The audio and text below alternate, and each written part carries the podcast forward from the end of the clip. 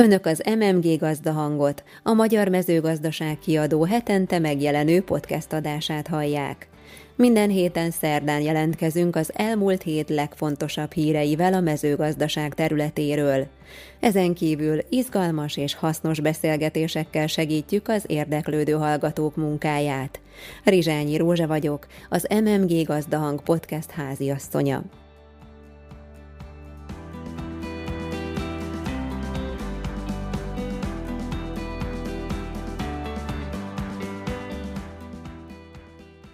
Mai adásunk tartalma Az elmúlt hét legfontosabb hírei röviden. Generációváltás a szőlőborágazatban. Beszélgetés Borbé Tamással, az év bortermelőjével és Nagy Tíciánával, a Mate szőlészborászmérnök szakos hallgatójával. Érdekességek a mezőgazdaság világából.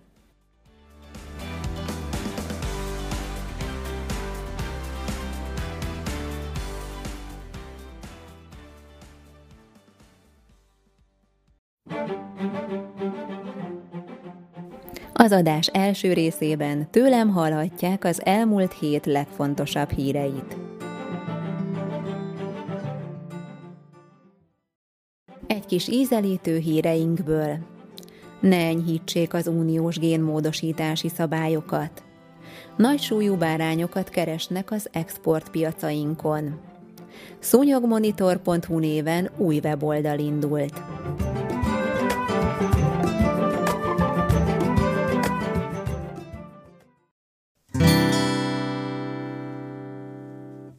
Ne enyhítsék az uniós génmódosítási szabályokat. 162 szervezet, köztük több magyar is, kéri az Európai Bizottság alelnökét, hogy az új génszerkesztési eljárással előállított szervezeteket továbbra is a mostani normák alapján szabályozzák, közölte az Ökológiai Mezőgazdasági Kutatóintézet.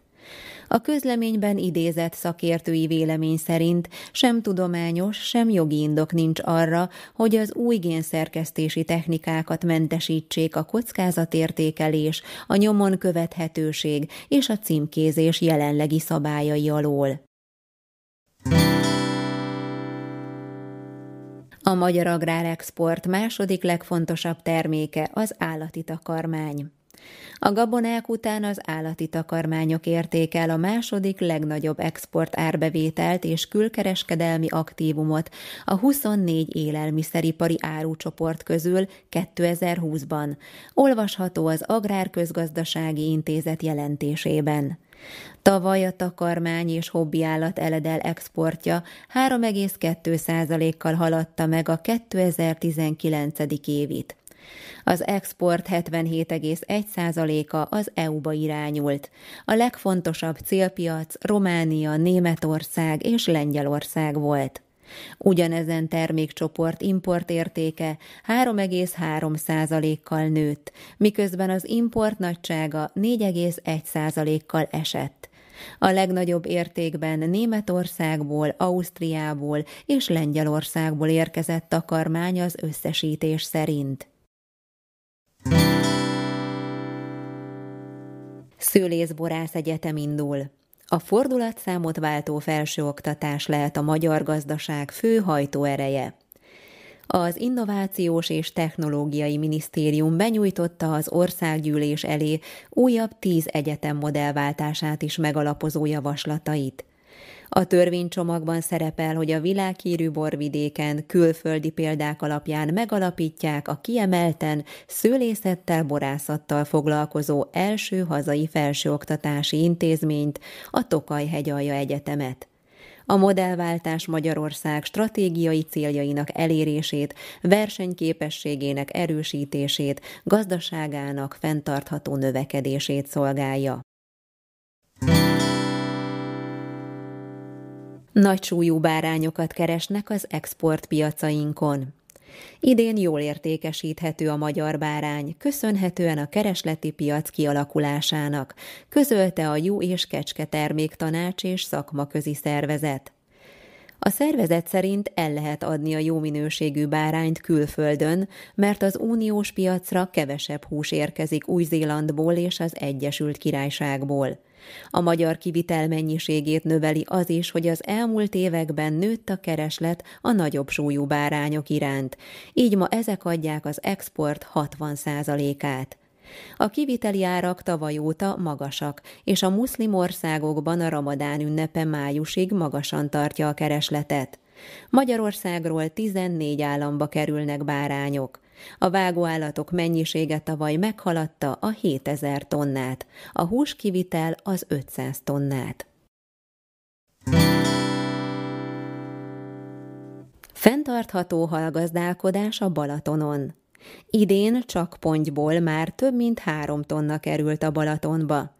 A tervek szerint ez további 7 tonna követi még tavasszal, azonban a saját termelésű hal zöme a telepítés fő időszakában ősszel kerül a tóba, közölte a Balatoni Halgazdálkodási Nonprofit ZRT a Fonyódi strandon az első haltelepítés helyszínén.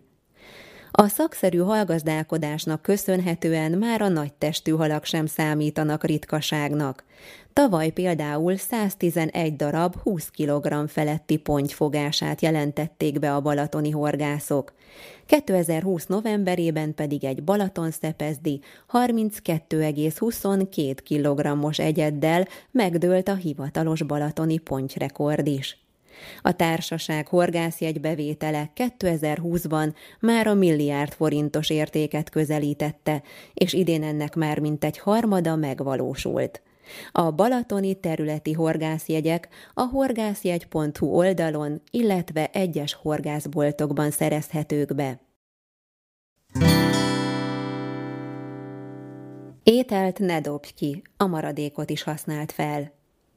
Egy átlagos magyar család évente akár 50 ezer forintot spórolhatna az élelmiszerek tudatos felhasználásával.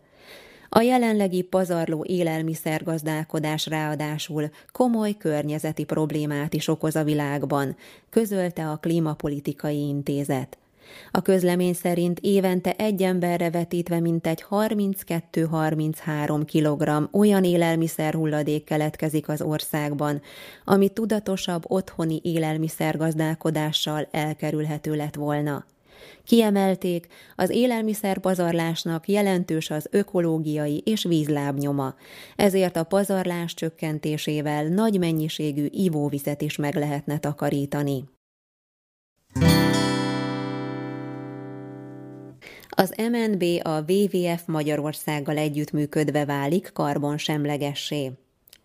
A Magyar Nemzeti Bank 2021-től a teljes működésének széndiokszid terhelését élőhely helyreállítási ökológiai beruházással kívánja kompenzálni a WWF Magyarország természetvédelmi civil szervezettel karöltve, tájékoztatott az MNB. Az alapítvány javaslata alapján az MNB idén a Körös-Maros Nemzeti Parkban található Gesztközség közelében egy 27 hektáros erdőtelepítés megvalósítását tervezi. Ezzel a központi pénzintézet a jegybankok közül a világon elsőként köteleződik el a hosszú távú karbonsemlegesség mellett. Szúnyogmonitor.hu néven új weboldal indult. Az Ökológiai Kutatóközpont kutatóinak közreműködésével szúnyogmonitor.hu néven új weboldalt hoztak létre azzal a céllal, hogy a lakosság bevonásával feltérképezzék az emberre veszélyes kórokozókat, vírusokat is terjesztő invazív csípőszúnyogfajok hazai terjedését, közölte az Ötvös Loránt kutatási hálózat. A közösségi tudomány jegyében létrehozott lakossági megfigyelésekre épülő weboldal április 1-én kezdte meg működését.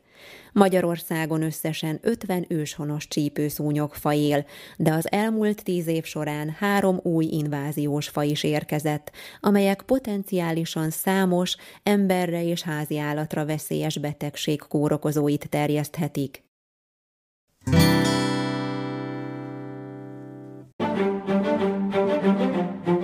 Adásunk második részében Vinicai Sándor, a borászati füzetek felelős szerkesztője beszélget Borbély Tamással, az év bortermelőjével, a Borbély családi pincészet fiatal szakemberével, és Nagy Tíciánával, a Mate szőlészborászmérnök szakos hallgatójával.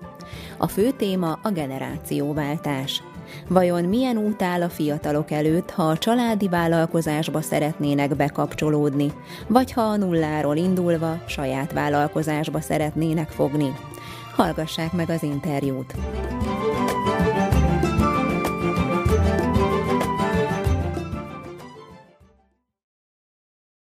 Nagy szeretettel köszöntöm körünkben Borbé Tamást, Badacsonyból a Borbé családi pincészettől, illetve Nagy Ticiánát, egyetemi hallgatót majd egy kicsit beszélünk a borról is.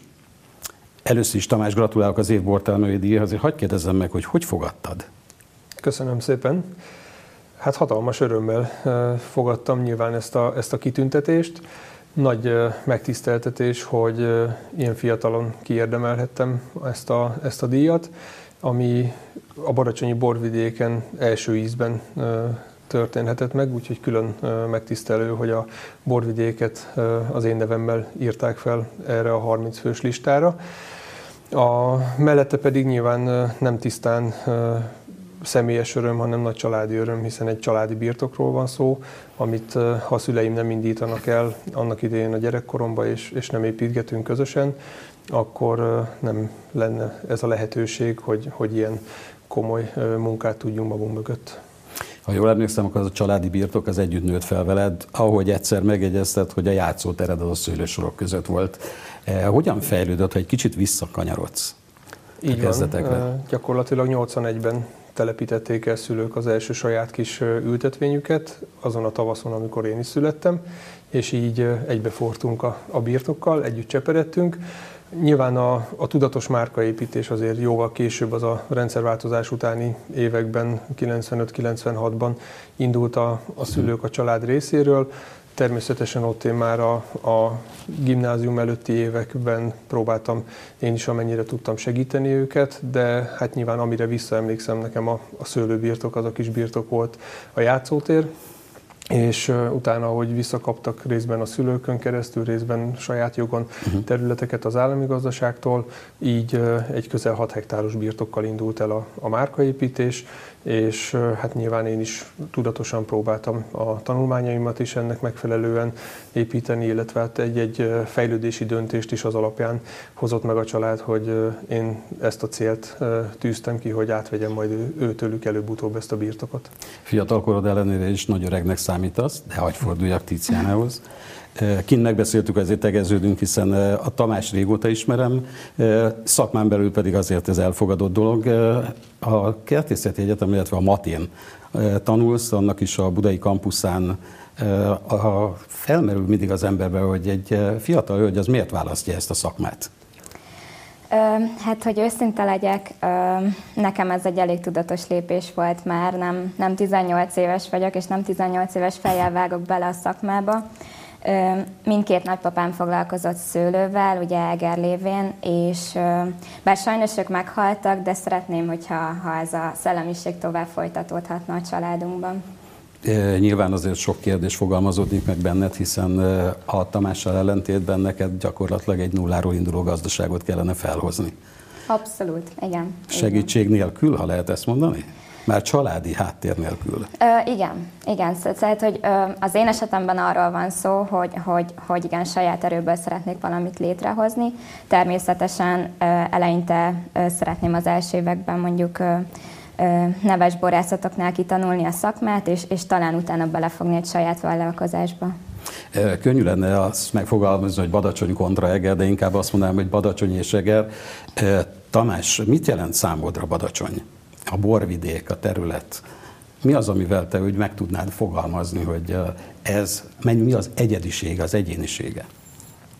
Mit is jelent? Először egy nagy szeretetét és nagy örömöt, hogy van lehetőségem ezen a csodálatos borvidéken dolgozni, tevékenykedni. Nyilván ez a, a családi identitásnak köszönhetően édesanyám helyi lány, édesapám ő somlóvásárhelyi származású, és a, a két borvidék végül gyakorlatilag így Baracsony-Tomajon egyesült, a két borvidék tudása. A somlói birtok már nincs is meg a, a családnak, egyszerűen annyira nincsen nagy távolság, de mégis a, a napi munkába sok volt, hogy kétfelé irányítani a dolgokat, és így központ teljes mértékben összpontosítunk a Baracsonyi borvidékre, ami egy hatalmas sokszínűséggel, és, és uh-huh. ugye nyilván nem kell bemutatni a, a vulkáni tanúhegyeket, a bazalt tanúhegyeket, amik hatalmas sokszínűséggel, variációkkal bírnak, és gyakorlatilag ezekkel a, a borvidékre jellemző, akár régi, akár új helyi fajtákra koncentrálva nagyon komolyan tudjuk visszaadni a, ezt az egyediséget, ezt a terroár karaktert. Nyilván nagyon sok munka áll előttünk, akár birtok szinten, akár a, a borvidék szinten, hogy kellően megismerjük azért a, a területeket, hiszen a rendszerváltozás után indultak el ezek a, a tudatos minőségi márkaépítések, ültetvény telepítések akár, hogy, hogy melyik dűlőbe, hogyha sikerült is valakinek vásárolni mondjuk egy idősebb szőlőt, hogy az a fajta egyáltalán való-e arra a fekvésre, érdemes esetleg új fajtába gondolkodni, például a, a Badacsony és a, a Balatonhoz közeli déli oldalaknak a, a lejtői ebben a felmelegedő klímában, évjáratokban annyira sok feladatot ad, és azt látjuk, hogy egyre inkább felértékelődik egy-két olyan új helyi fajta, mint egy rózsakő, egy Zeus, egy vulkánusz, amik jobban bírják a a meleget, mind olyan szinten, hogy nem kapnak hősokot, mind olyan szinten, hogy nagyon jó savakat tudnak megőrizni ezeken a nagyon meleg fekvésekbe. Tehát tényleg dolgozik a, a borvidék, uh-huh. nagy szerencsénk a, a kutatóállomás, hogy ők nagyon sok ilyen tapasztalatot tudnak megosztani a, a helyi termelőkkel, és így tudunk előre haladni a, az egyediségekben. Ugye két területen is kutatni, Cselszekton, majd Badacsony, mind a kettő azért jelentős munkát tett le. Mégis azért el szoktuk mondani, hogy sok a fajta Magyarországon valóban sok? A termesztésben levő fajta. Azt hiszem, hogy igen.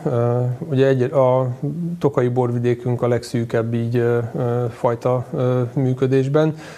Egyik oldalról azt gondolom talán szerencsések is, mert nem kell olyan sokféle koncentrálni, de, de valóban a, a borvidékeink nagy részén nagyon-nagyon sok fajta van, bár azt gondolom, hogy ha megnézzük, hogy mi az, ami, ami domináns egy-egy borvidéken, akkor azért szerintem egy maximum 8-10 fajtára le tudunk szinte minden borvidéket, sőt akár esetenként még szűkebb körre húzni, mert azért, mert van sok próbálkozás egy-két hektáros területekkel, egy-két borászatnál, attól az nem feltétlenül jellemző egy, egy tájra, egy borvidékre.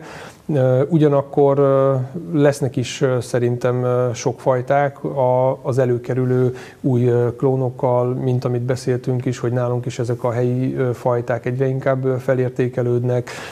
Más kutatóintézetnek, pécsieknek előjött egy-két ígéretes rezisztens fajta, amikkel egyre többen próbálnak dolgozni és megismerni, hogy, hogy mit lehet ezekkel a fajtákkal, és valljuk be, ezekre szükség is lesz a jövőben. Úgyhogy mindenképpen lesznek sokszínűségek. Én azt hiszem, hogy fognak eltűnni olyan fajták, amikkel vagy a stílusa miatt, vagy a, az ellenálló képessége miatt kevésbé fogunk tudni dolgozni, de mellette azért egy olasz rizling, egy kéknyelő az biztos, hogy a mi birtokunkon az első fajták között fog maradni. Köszönöm, kedves Tiziana.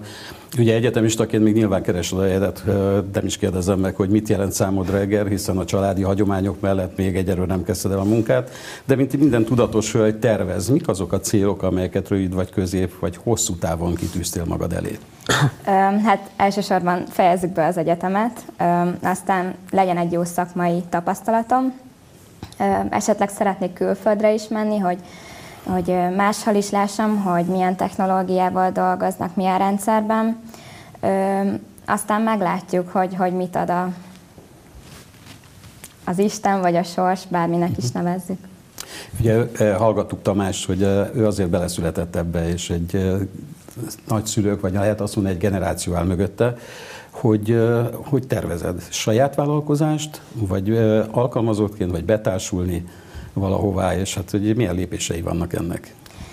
Igen, egyébként ugye most az évfolyam társaimmal egyre sűrűbben kerül szóba az, hogy mi lenne, hogyha esetleg társulnánk majd adott esetben. Úgyhogy egyébként lenne is egy olyan kérdésem hozzád, hogy mi az a létszámhatár, aminél mondjuk így érdemes társulást kezdeni, vállalkozni? Már tulajdoni viszonyra igen, gondolsz, igen, vagy igen, így a munkavállalói... Hogy, tehát, hogy például borászokként mondjuk hány főnél érdemes megállni azt, hogy hogy most így elegem vagyunk. És... Hát ez egy nagyon jó kérdés.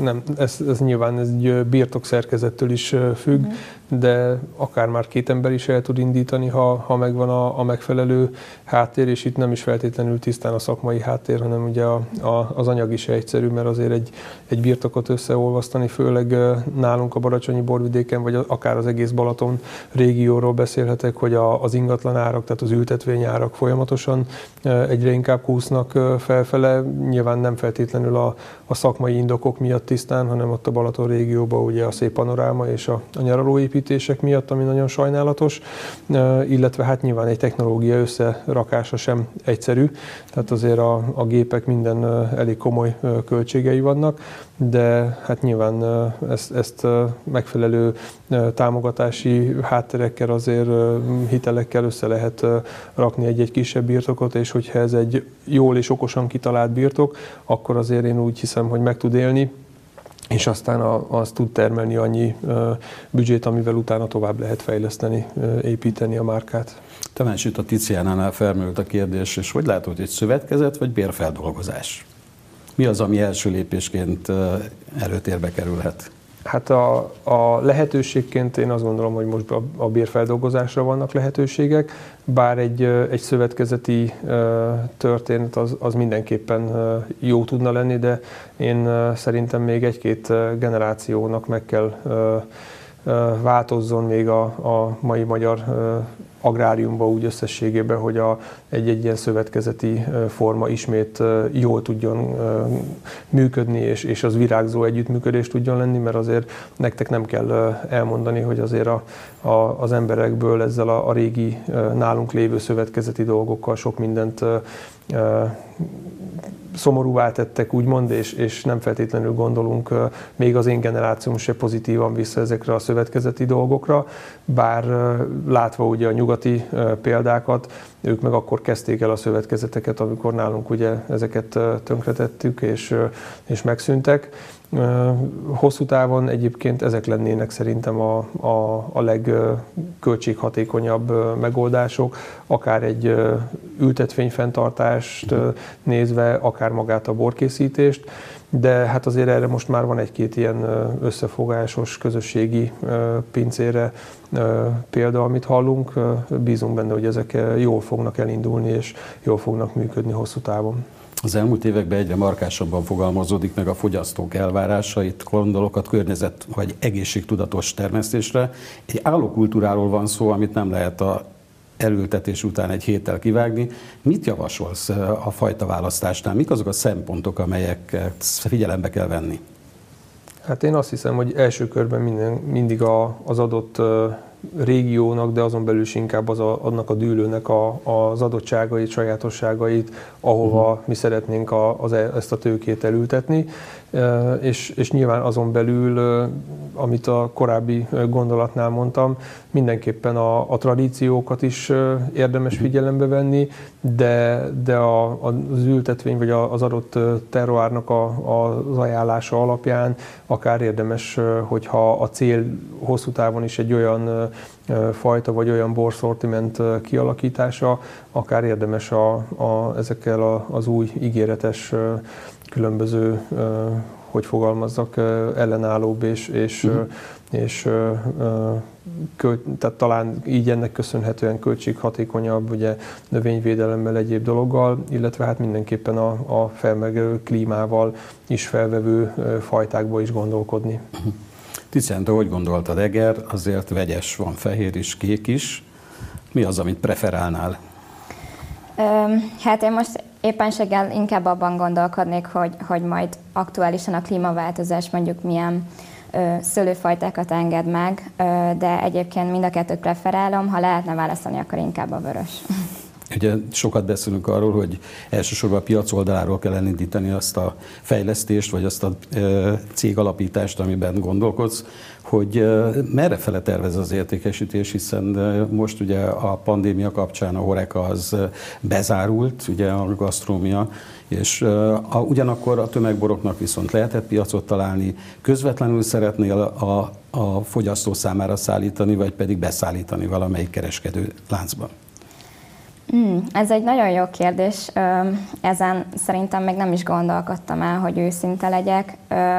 Mindenképpen a minőségre szeretnék törekedni, és adott esetben mondjuk akár a nemzetközi piacra is nyitni. Szerintem nem eléggé ismertek az itthoni borok külföldön, és, és talán lenne is rá kereslet. Hogy érzed egyébként, hogy milyenek a magyar borok? Mennyire egyediek, akkor inkább azt kérdezném. Hmm. Öm, hát ez, ez attól függ szerintem, tehát hogy, hogy azért elég, elég változatosak a borok itt Magyarországon, minőségben is. Ö, szerintem ezt ennyire így nem lehet exaktul kezelni.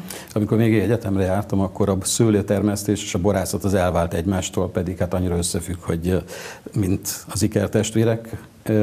De mi szeretnél lenni? Inkább szőlész vagy borász? Borász. De nagyon jó, mert ugye a lányoknak azért egy jó érzékkel rendelkeznek a borkészítéshez, hiszen azért egyféle művészet, ha lehet ezt mondani, egy jó bort készíteni. Főleg úgy, hogy mondjuk már a musban meglátni azt, hogy mi lesz belőle és természetesen úgy kezelni. Abszolút, igen, egyetértek ezzel.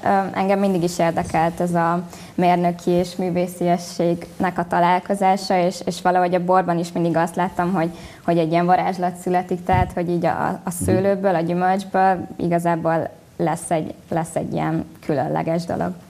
Tamás, bocsánat, még egy picit hagyd térjünk vissza. Ugye a Balaton egyrészt átok is, meg áldás is. Ki lehet törni a szürkebarát olasz kék kéknyelű, esetleg jufark hár négyeséből, illetve a korábban a turisták által bevett édesborok kategóriából. Tehát mennyire lehet meg, megszeretni, megismertetni velük azt, hogy ugye Balacsony ennél sokkal több, mint amit régen a NDK turistákkal itattak meg.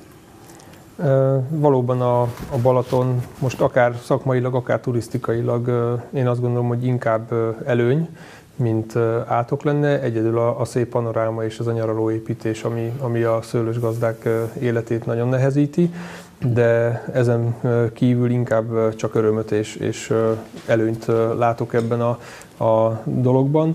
Már csak a, a turisztikában lévő erőt is, hogy a, a tavalyi évet, ezt a pandémiát én azt gondolom, hogy nagyon nehéz lett volna túlélni, hiszen a Balaton régióban egy-két nagy üzem kivételével elsősorban mindenki a, a Horeka felé értékesít, vagy a saját értékesítése pedig a turisztika Horekán keresztül történik, hiszen az otthoni értékesítés a, a legtöbb ilyen kisebb, közepes családi birtoknál az elsődleges piaci szegmens, és ugye ez teljesen beállt, viszont szerencsére a nyári időszakban egy nagyon erős turisztika volt, és, és tényleg nagyon-nagyon sok olyan család és olyan borfogyasztó érkezett a környékre, akik korábban nem látogattak el mondjuk Baracsonyba, mert a, a, akár téli vagy akár nyári pihenésüket más irányba tervezték, viszont mindenki próbált minél több irányba eljutni a tavalyi évben, és ez, ez sokat segített. A az a része, hogy, hogy mennyire lehet nevelni a, a fogyasztókat, vagy változtatni, én azt gondolom, hogy nagyon jó úton járunk. Nyilván egy, egy hosszú út, ami, ami már régóta taposunk a borvidék, vagy akár az egész Balatonbor régióra gondolva. Egyre inkább tudatos fogyasztók érkeznek a, a borvidékre, a birtokra, egyre kevésbé érdekes gyakorlatilag ez, a, ez a, az általad említett félédes-édes kategória.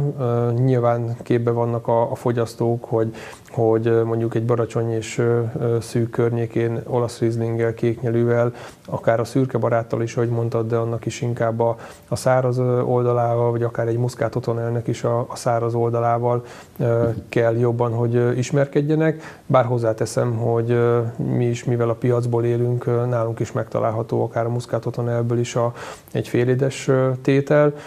Nem látok semmi eretnek dolgot, hogy van egy-két édes szájú fogyasztó a, a mai napig, de látva, hogy kik vásárolják, nagyon érdekes a tendencia, hogy a, a fiatalok inkább a száraz könnyű borokat, akár egy száraz muszkátot, egy rozét, egy laza olasz rizlinget fogyasztanak a nyári időszakban, és inkább az idősebb generációban vannak nagyobb százalékban, akár hölgyek, akár urak, akik a félédes-édes borokat szeretik még. Tehát én azt gondolom, hogy ahogy a, az új generációk felnőnek, sokkal több új élménnyel és tudatosabb borkultúrával jönnek már így a borvidékekre, és uh-huh. sokkal könnyebb így ez a, ez a úgymond tájékoztatás, és vegyük úgy, hogy nevelése a borkultúrának. Tamásnak egy nagyon szép helyen fekvő, jól elérhető, vagy megközelíthető kvázi kóstoló pincétek van. Mennyire fontos a gazdálkodásotokban, vagy a család életében a borturizmus,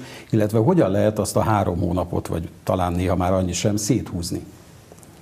A mi életünkben nagyon fontos, gyakorlatilag a, az értékesítésnek a legalább az 50%-a az a, a saját értékesítési csatornákon keresztül történik.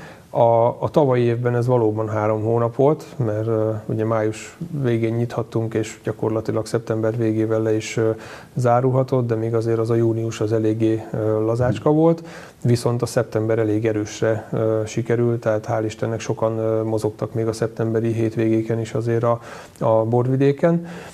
Egyébként viszont évek óta dolgozik a, a Borvidék, és a, a, ugye van ez a turisztikai egyesületünk uh-huh. ott a, a Badacsonyi régióban, ahol önkormányzatok, és nem csak a borászatok, hanem egyéb szereplők, turisztikai és, és egyéb szolgáltatók is részei, és folyamatosan azon dolgozunk, hogy ez a, a Badacsony az nem csak két-három hónapról szól, vagy az egész Balaton régió nem csak két-három hónapról szól, hanem minél jobban húzzuk ki a, a szezont, ismerjék meg a, az őszi, a téli arcát, ami véleményem szerint egyébként sokkal szebb.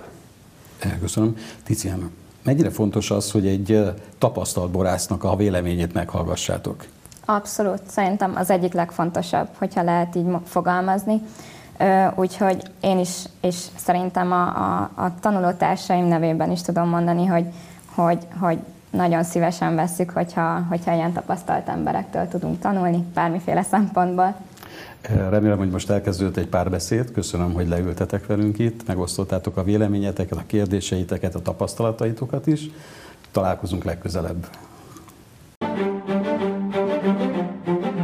Podcast adásunk harmadik részében a mezőgazdasági élet színes híreit foglaltuk össze.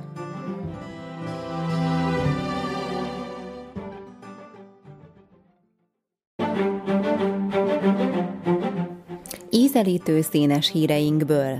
Milyen ízük van a világűrben érlelt boroknak? Rossz idők járnak a francia csiga tenyésztőkre. 200 sugárfertőzött szarvasmarhát gondoz egy japán gazda. A laborhúsok után most a tojáspótlókat támogatják a befektetők.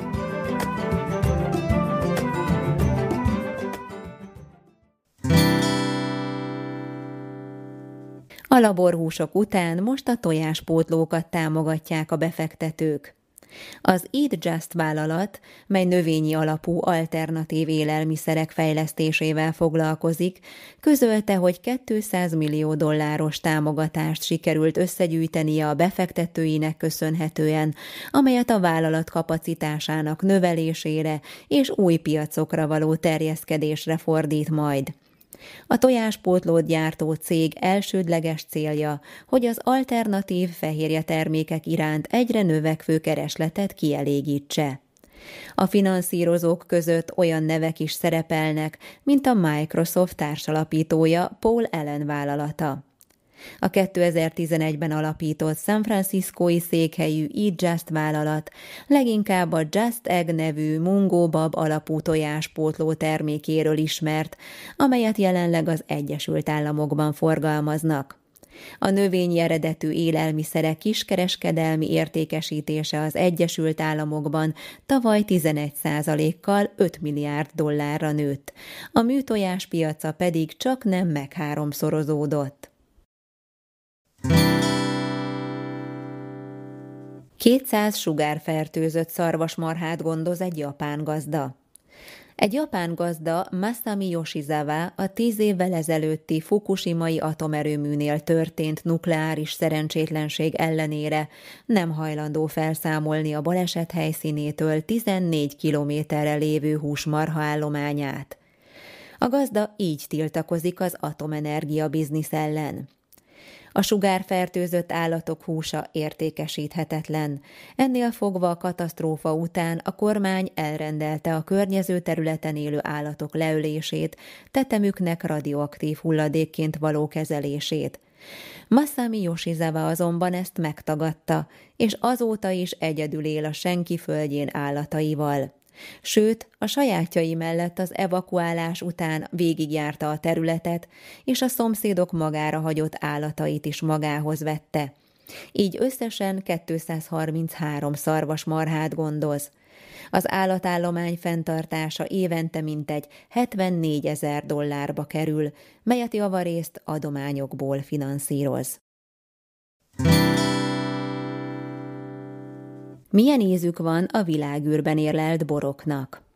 A súlytalanság nem rontott annak a 12 francia bordói bornak a minőségén, amelyek több mint egy évet töltöttek el a nemzetközi űrállomáson egy tudományos kísérlet részeként a Föld körül keringve.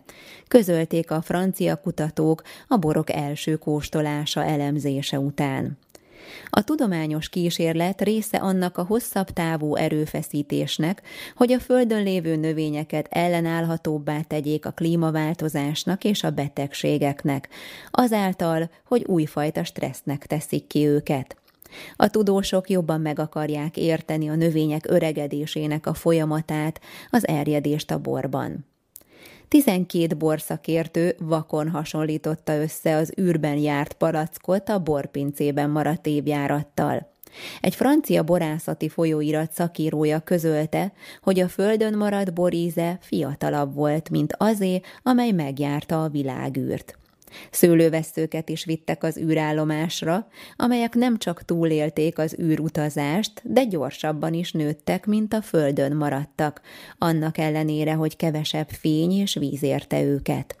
Ha sikerül megállapítani ennek az okát, az segítheti az életerősebb fajták létrehozását a Földön, és megnyithatja az utat a világűrben történő szőlőművelés és borkészítés előtt. Rossz idők járnak a francia csigatenyésztőkre. A francia csigatenyésztők számára a tavalyi év kétségbejtő volt. A koronavírus válság miatt a turisták hiánya és az éttermek bezárása már évközben is jelentős visszaesést eredményezett a fogyasztásban. A helyzetet tovább rontja, hogy a francia vezetés eleinte nem támogatta a járványhelyzet miatt ezt az elég speciális állattenyésztési ágazatot. Az éti csiga gyűjtését hazánkban már 1933 óta szabályozzák, aminek oka, hogy védett állatról van szó. Ennek ellenére április 1 és június 15 között a 30 mm-nél nagyobb átmérőjű példányok gyűjthetők. Az országosan összesen begyűjthető mennyiség is szabályozott. Az éti csiga inkább gyűjtött faj, ám ennek egy közeli rokonát, a mediterrán csigát tenyésztik is sokfelé a világon. Hazánkban is voltak többször fellángolások a csigatenyésztéssel kapcsolatban, de a próbálkozásokból nem lett hosszú távú eredmény. A fogyasztása sem jellemző hazánkban, bár egyes üzletekben rendszeresen kapható a fűszeres házába visszatöltött csiga. Pedig táplálkozás élettani szempontból a csigahús kedvező, mert könnyen emészthető és jól fűszerezhető.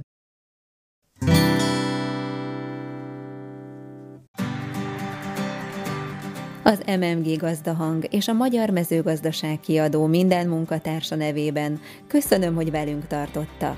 Bízunk benne, hogy ma is sok új és érdekes információt hallottak tőlünk. Ha tetszett önöknek mai műsorunk, kérjük iratkozzanak fel podcast csatornánkra. Értékeljenek bennünket öt csillaggal, és adják tovább jó hírünket másoknak is. Hallgassanak bennünket jövő szerdán is. Két adás között pedig keressék fel a magyarmezőgazdaság.hu hírportált, hogy további híreinkről is értesülhessenek. Eredményes és szép napot kívánnak a podcast szerkesztői Halmos B. Ágnes és Mizsei Károly, a főszerkesztő Práger Ádám, és jó magam, a podcast háziasszonya Rizsányi Rózsa.